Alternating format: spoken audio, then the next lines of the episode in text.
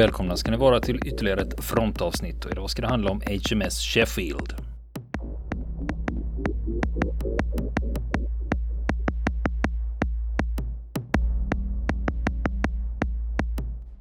Och nu fortsätter vi prata om sänkningen av HMS Sheffield.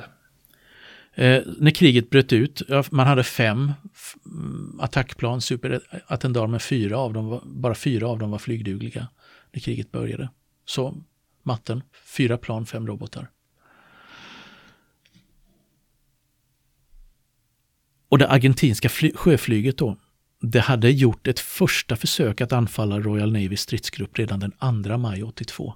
Men då hade man avblåst eh, operationen på grund av problem med lufttankningsplanet som skulle se till att eh, deras ja, bränsletankarna var fulla både för dit och hemfärden. Men nästa tillfälle det kom alltså två dygn senare när man hade siktat de, de brittiska jagarna. Och de här två franskbyggda attackplanen med varsin Exocet som lyfte från Rio Grande den förmiddagen och flögs av eh, dels en kapten Augusto Bedacaraz och en löjtnant Armando Majora. Skickliga piloter vid den här tiden, tillhör bland de bästa som det argentinska sjöflyget hade. Och en kvart efter start, då är vi framme vid klockan tio på förmiddagen, så möt, mötte de ett, eh, en Hercules, ett lufttankningsplan, eh, vid kusten som eh, ja, fyllde på eh, deras tankar för att de skulle nå ända fram. Och då låg de i standby-läge ett tag där utanför kusten också. För att vänta på eh, klartecken och eh, koordinaterna ifrån, eh, de sista koordinaterna ifrån från eh, spaningsplanet där ute vid Falklandsöarna. Och den här gången så gick lufttankningen utan missöden. Under tiden så uppehåller sig då det argentinska spaningsplanet fortfarande i närheten av den brittiska sjöstyrkan. Och 10.35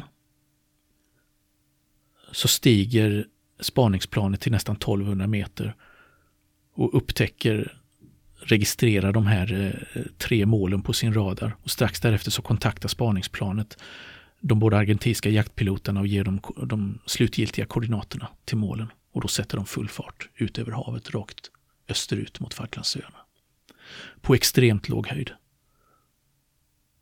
Bara några meter över havet flyger de i, eh, i hög hastighet. Jag vet inte, de har, de har intervjuats de här piloterna efteråt.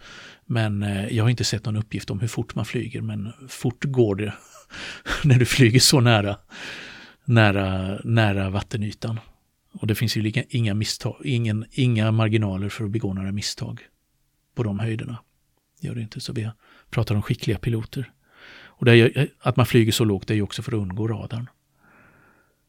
Och 10, klockan 10.50 så stiger de båda planen snabbt upp till ungefär 160 meters höjd för att ta sig en snabb titt på målen med sin egen radar. Men de ser ingenting och dyker snabbt ner till havsytan igen och lägger sig. För att, eh, för att eh, undgå, i bästa fall undgå att bli upptäckta av den brittiska flottans radar. Det blir ett snabbt blipp och sen är de borta igen. 40 kilometer senare så gör de om samma manöver. Går upp, par sekunders skanning med radarn, hittar målen på sina skärmar. Programmerar in koordinaterna i eh, datorerna ombord, gör några sista kontroller och sen 11.04, fyra minuter över 11, så avfyrar de sina Exocet-robotar från, då är de någonstans mellan eh, drygt 30 till 50 kilometer ifrån målet. Och de gör en snabb U-sväng och avlägsnar sig sen. Och för att förvirra fienden så flyger de inte tillbaka mot kusten utan flyger rakt söderut mot Antarktis. Eh, under, under en sträcka. För att, eh, för att eh, förvirra fienden om, om var de egentligen kom ifrån. Och samtidigt så är några andra eh, argentinska eh, plan uppe på ett eh, och flyger på ett annat ställe som en avledningsmanöver. För att förvirra fienden ytterligare i den här situationen. Eh, lufttankningsplanet väntar på dem vid kusten för säkerhets skull. Men piloterna behöver inte mer bränsle utan går ner på Rio Grande-basen fyra minuter över tolv, alltså exakt en timme efter att de avfyrat sina robotar. Och de har själva ingen aning om hur det har gått då. Naturligtvis. Och när du pratar om de här tidsangivelserna, mm. det är också, alltså, när det gäller den här typen av flygplan, de flyger mm. ju väldigt, väldigt, väldigt fort. Mm. Det är också det att, och jag menar, här pratar vi om en timme, jag menar det, det är stora avstånd. Det är stora avstånd, ja, precis. Och stor koncentration. Under tiden som det här sker ute till havs så de här tre målen som eh, de argentinska flygplanen hade upptäckt. Mm, var ligger de någonstans? De ligger väster om den brittiska huvudstyrkan. De utgör en patrullkedja som ska, ja, den första förvarningskedjan mot eh, argentinska luftangrepp mot, eh, mot Royal Navy. Så de ligger en, en bra bit väster om eh, Falklandsöarna och väster om huvudstyrkan. Patrullerar de och eh, befinner sig då med ganska stort avstånd sinsemellan. Alltså flera sjömil mellan, mellan varje fartyg. Ehm, och ehm, det, är, det är Sheffield och det är Glasgow och det är Coventry. Alla tre av samma modell. Det modernaste man har när det gäller luftförsvar till havs vid den här tiden. Eh, inom Royal Navy. Och eh,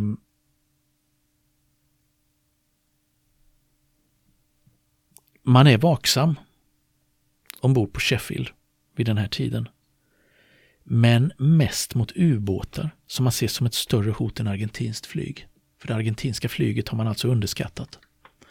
Man räknar inte med att eh, de ska våga sig upp och man tror att man kommer upptäcka dem i god tid innan de vågar göra någonting.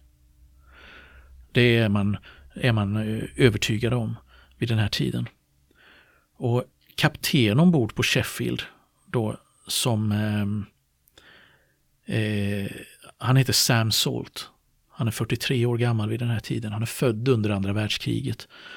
Och son till en brittisk ubåtschef som eh, gick under i Medelhavet med sin gick till botten i Medelhavet med sin ubåt under kriget utanför den italienska kusten. Och han har sen följt i sin fars fotspår och varit ubåtschef i flera omgångar i Royal Navy under kalla kriget. Och nu är han chef för ett ytstridsfartyg. Och han då är en av de fartygschefer som oroar sig mer för argentinska ubåtar än för vad som kan komma från himlen. Och det är, han är ju trots allt chef för ett luftvärnsfartyg.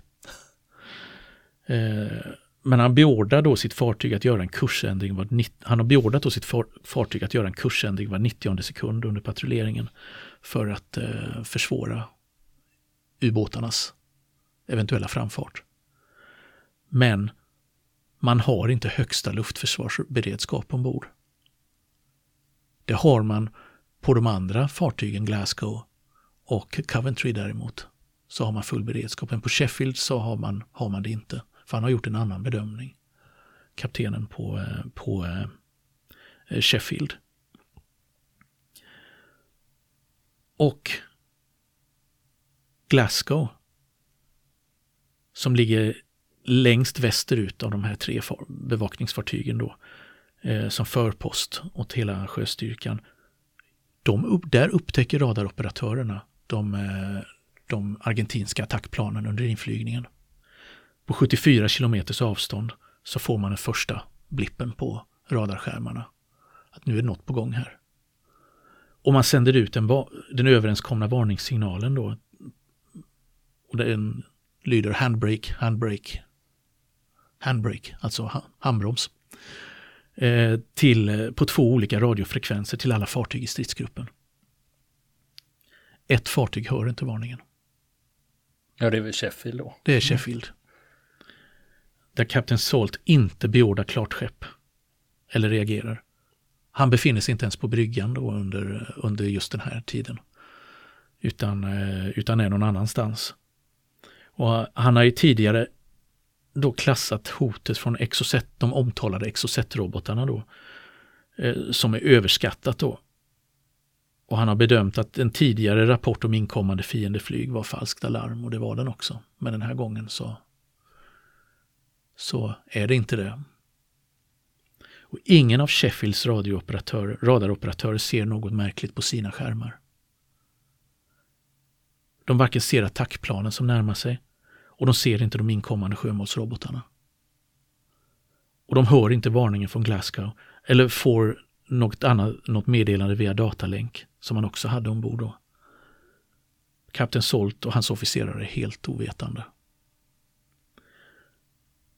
Och just när det här pågår så har Sheffield precis ersatt sitt systerskepp Coventry på en annan plats i patrullkedjan eftersom Coventry hade problem med sin radar. Och samtidigt så pågår det då en utväxling av meddelanden mellan de här bägge fartygen. De är mitt uppe i ett samtal via radio eh, på, eh, på, ett, eh, på en av frekvenserna på UHF-bandet. Då. Och det är förmodligen därför som varningen från Glasgow missas. En av orsakerna till att den missas. Och det är först i sista ögonblicket som de, den här, eh, de inkommande robotarna upptäcks. Och eh, det ska ha skett på två sätt. Eh, en officer i stridsledningscentralen hann registrera att någonting var på väg in men man hinner Tiden var då för kort för att man skulle hinna reagera eller aktivera motmedel eller göra undanmanövrer. Och man hade ingen elektronisk störningsutrustning ombord heller. Så man hade inte alls sett attackplanen då som britterna hade väntat sig att de skulle göra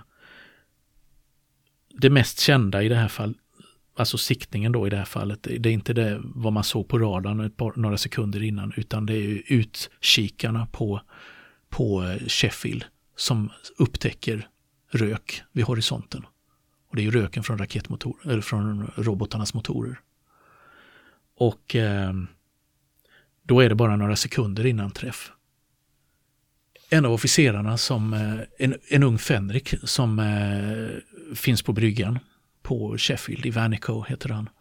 Eh, han upptäcker någonting. Han, han är utkik då. Och på bryggan och upptäcker vad han tror är en torped. För han ser strimma på vattnet. Den flyger så lågt så att den gör, det blir eh, skum på vattenytan av utblåset från, från eh, sjömålsrobotarna. Så han varnar om att han torped, torped.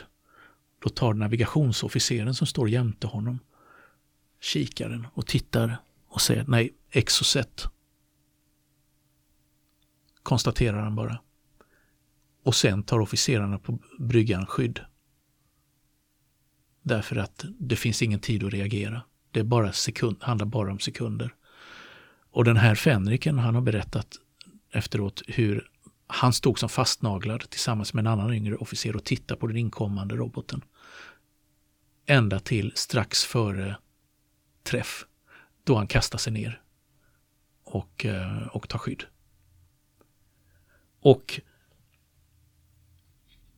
den ena roboten träffar Sheffield midskepps. Ungefär två och en halv meter ovanför vattenlinjen så går den in på däck 2 på styrbordssida. Sliter upp ett hål i skrovet som man efteråt mätte till en gånger tre meter. Och sen tränger den djupt in i fartyget. Den går genom främre hjälpmaskinrummet, genom köket och genom ett vattentätt skott, men håller sig fortfarande över vattenlinjen. Åtta kockar i köket dör förmodligen omedelbart vid träffen och inom bara några sekunder så fylls större delen av skeppets innandöme av tjock giftig rök. Robot nummer två däremot, den missar målet och bränslet tar slut och den faller med ett stort plask i vattnet eh, flera hundra meter framför Sheffields för. Och från den här siktningen då, alltså den okulära som man säger, siktningen, så handlade det ju bara om några sekunder. Det fanns ingen tid att reagera. Och den här radiotrafiken som pågick mellan Sheffield och Glasgow under den här tiden då, den upphörde inte förrän en oidentifierad röst bryter in då i den här konversationen med meddelandet Sheffield är träffad. Man vet fortfarande inte vem som, vem som eh, upprev, säger detta på, på eh, den här radiofrekvensen, men någon har observerat det på något av de andra fartygen. Och på flaggskeppet i den brittiska styrkan, det är hangarfartyget Hermes, där skickar man genast två eskortfartyg, det är Arrow och Yarmouth, det är två fregatter för att undersöka vad som har hänt, för Sheffield svarar inte på anrop. Och det beror på att eh, hon ligger helt död i vattnet, det finns ingen, eh, ingen ström. Den strömmen är utslagen ombord. Och hon brinner. Så man skickar upp en helikopter också eh, för att ta sig bort till Sheffield. Men och det råder stor förvirring och osäkerhet om vad som har hänt ända tills plötsligt och helt utan förvarning Sheffields egen helikopter landar på hangarfartyget. Och ombord så finns två, två av Sheffields eh, stridsledningsofficerare. Dels en luftvärnsofficer och sen den andra ansvarig eh, den högste stridsledningsofficeren från Sheffield och som rapporterar att eh, fartyget har träffats och att läget är väldigt allvarligt. Och eh, ombord på Sheffield så är det vid den här tiden då eh, har det snabbt blivit ett inferno under däck. 20 besättningsmän dog vid den här träffen. Eh, de flesta av dem tjänstgjorde i köket eller i datarummet ombord. Datacentralen ombord. Och de flesta av dem tros ha kvävts när de försökte ta sig ut. De har kvävts av den giftiga röken. Man har också 26 sårade som, eh, där man inleder då en snabb evakueringsaktion med helikopter från Sheffield till, till hangarfartyget där, man, där de får vård. Och eh, vad är det då som har börjat brinna ombord? Ja, det, är ju, det är ju robotens kvarvarande bränsle då som har satt, ig satt, satt igång branden ombord. Och snart antänds även fartygets eget, eh, egen dieselolja. Strömmen är utslagen, åtminstone i stora delar av fartyget. Som jag sa, ventilationen har slutat fungera. Eh, roboten har också delvis slagit ut brandsläckningssystemet genom att förstöra huvudvattenledningen ombord. Och det är dåligt tryck då i vattenpumparna. Så att man får inte upp trycket så att eh, när man sprutar vatten så kommer det så lite vatten att det ångas upp innan, när det, redan innan det hinner liksom hamna på eh, eldhärden då. Så att därmed så är fartyget dömt att brinna upp. Två eskort, de här två eskortfartygen som har skickats dit från Hermes, de hjälper till och assisterar eh, vid brandsläckningen också, men, men eh, förgäves då. Och hettan blir allt mer intensiv ombord och besättningen känner hettan tränga upp genom durken, genom skorna och in i fötterna. Och färgen krullar sig på skrovet då, liksom av, av hettan. Och eh, trots detta så leder eh, kaptenen ombord Sam Salt och kampen mot elden i flera timmar. Försöker man släcka, släcka elden och begränsa skadorna men det går inte. Man blir hela tiden tvungen att retirera mer och mer.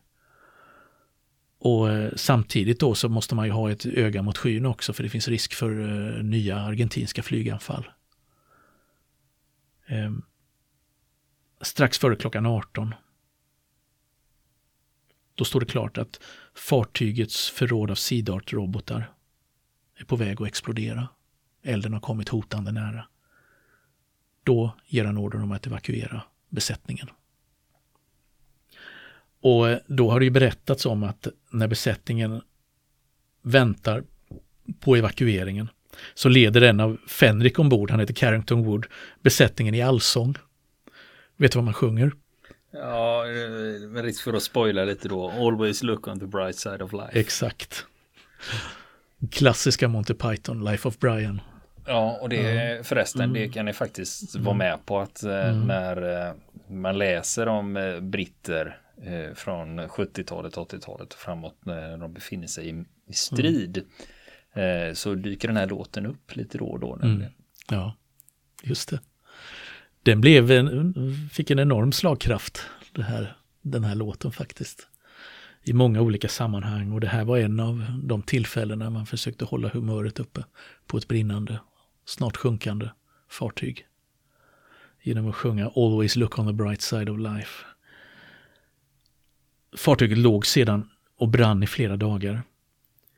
Eh, och under de följande sex dagarna efter, efter det här så är flera inspektionsgrupper ombord vid olika tillfällen för att se om det fanns någon utrustning som var värd att rädda ombord. Då.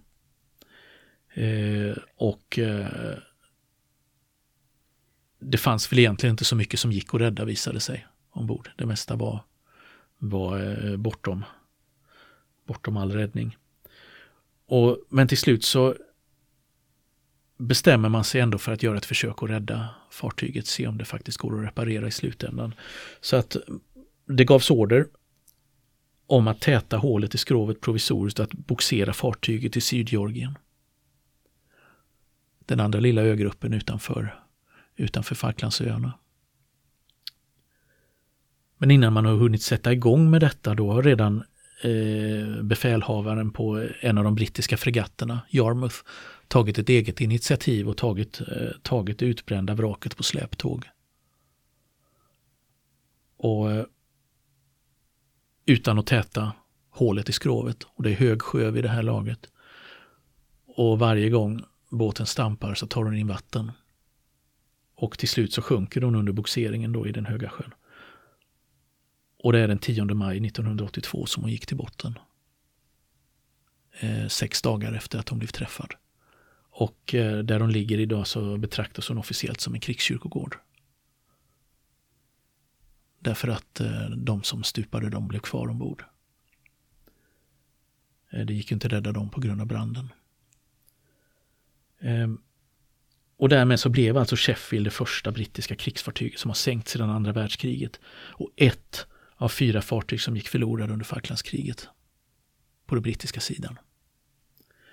Och det här gav ju upphov till massa frågor efteråt. Hos den brittiska allmänheten, hos överlevande, från Sheffield och andra som intresserade sig för Sheffields öde. Att vad fan var det egentligen som hände? Frågorna malde och malde. Liksom att om Glasgow hade kunnat identifiera hotet från Exocet-robotarna på liksom 50 kilometers håll. Varför kunde inte Sheffield göra det? Och eh, det brittiska försvarsdepartementet, de gjorde en preliminär utredning då. Eh, som visade att eh, Exocet-roboten inte hade sprängts ombord utan att det bara var bränslet i den som hade antänts. Men alla var inte eniga om den här då.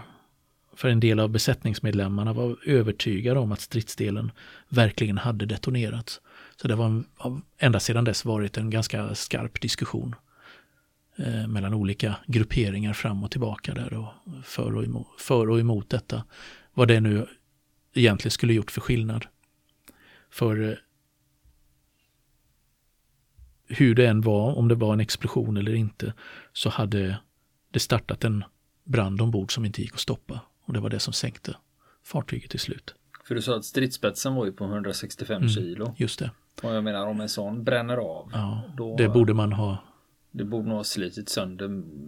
I och för sig, det är ju tillräckligt. Mm. det, om man ser till vikt och hastigheten och plus det här flygbränslet som den har. Just det. Precis. Så det är klart att det är illa nog, men skulle det detonerat så mycket? Mm. Ja, ja, ja, jag tror inte, ja, skulle jag gissa. Just det. Så Precis. tror jag inte det ja, detonerade. Men där rapport, rapporten som sådan hemligstämplas. Så allmänheten får inte läsa den. Och det ger ju upphov till ännu fler frågor. Att vad, var det som, vad var det som hände? Vad är det man försöker dölja? Och så vidare. Och eh, del av den släpps eh, 2006 då. Och nästa vecka fortsätter vi prata om sänkningen av HMS Sheffield. Vill ni komma i kontakt med oss så kan ni göra det via vår Facebook-sida som heter Fronten. Det är inga problem för er att leta er fram där. Eller också så mejlar ni på vår mejladress och det är frontenpodcast@gmail.com.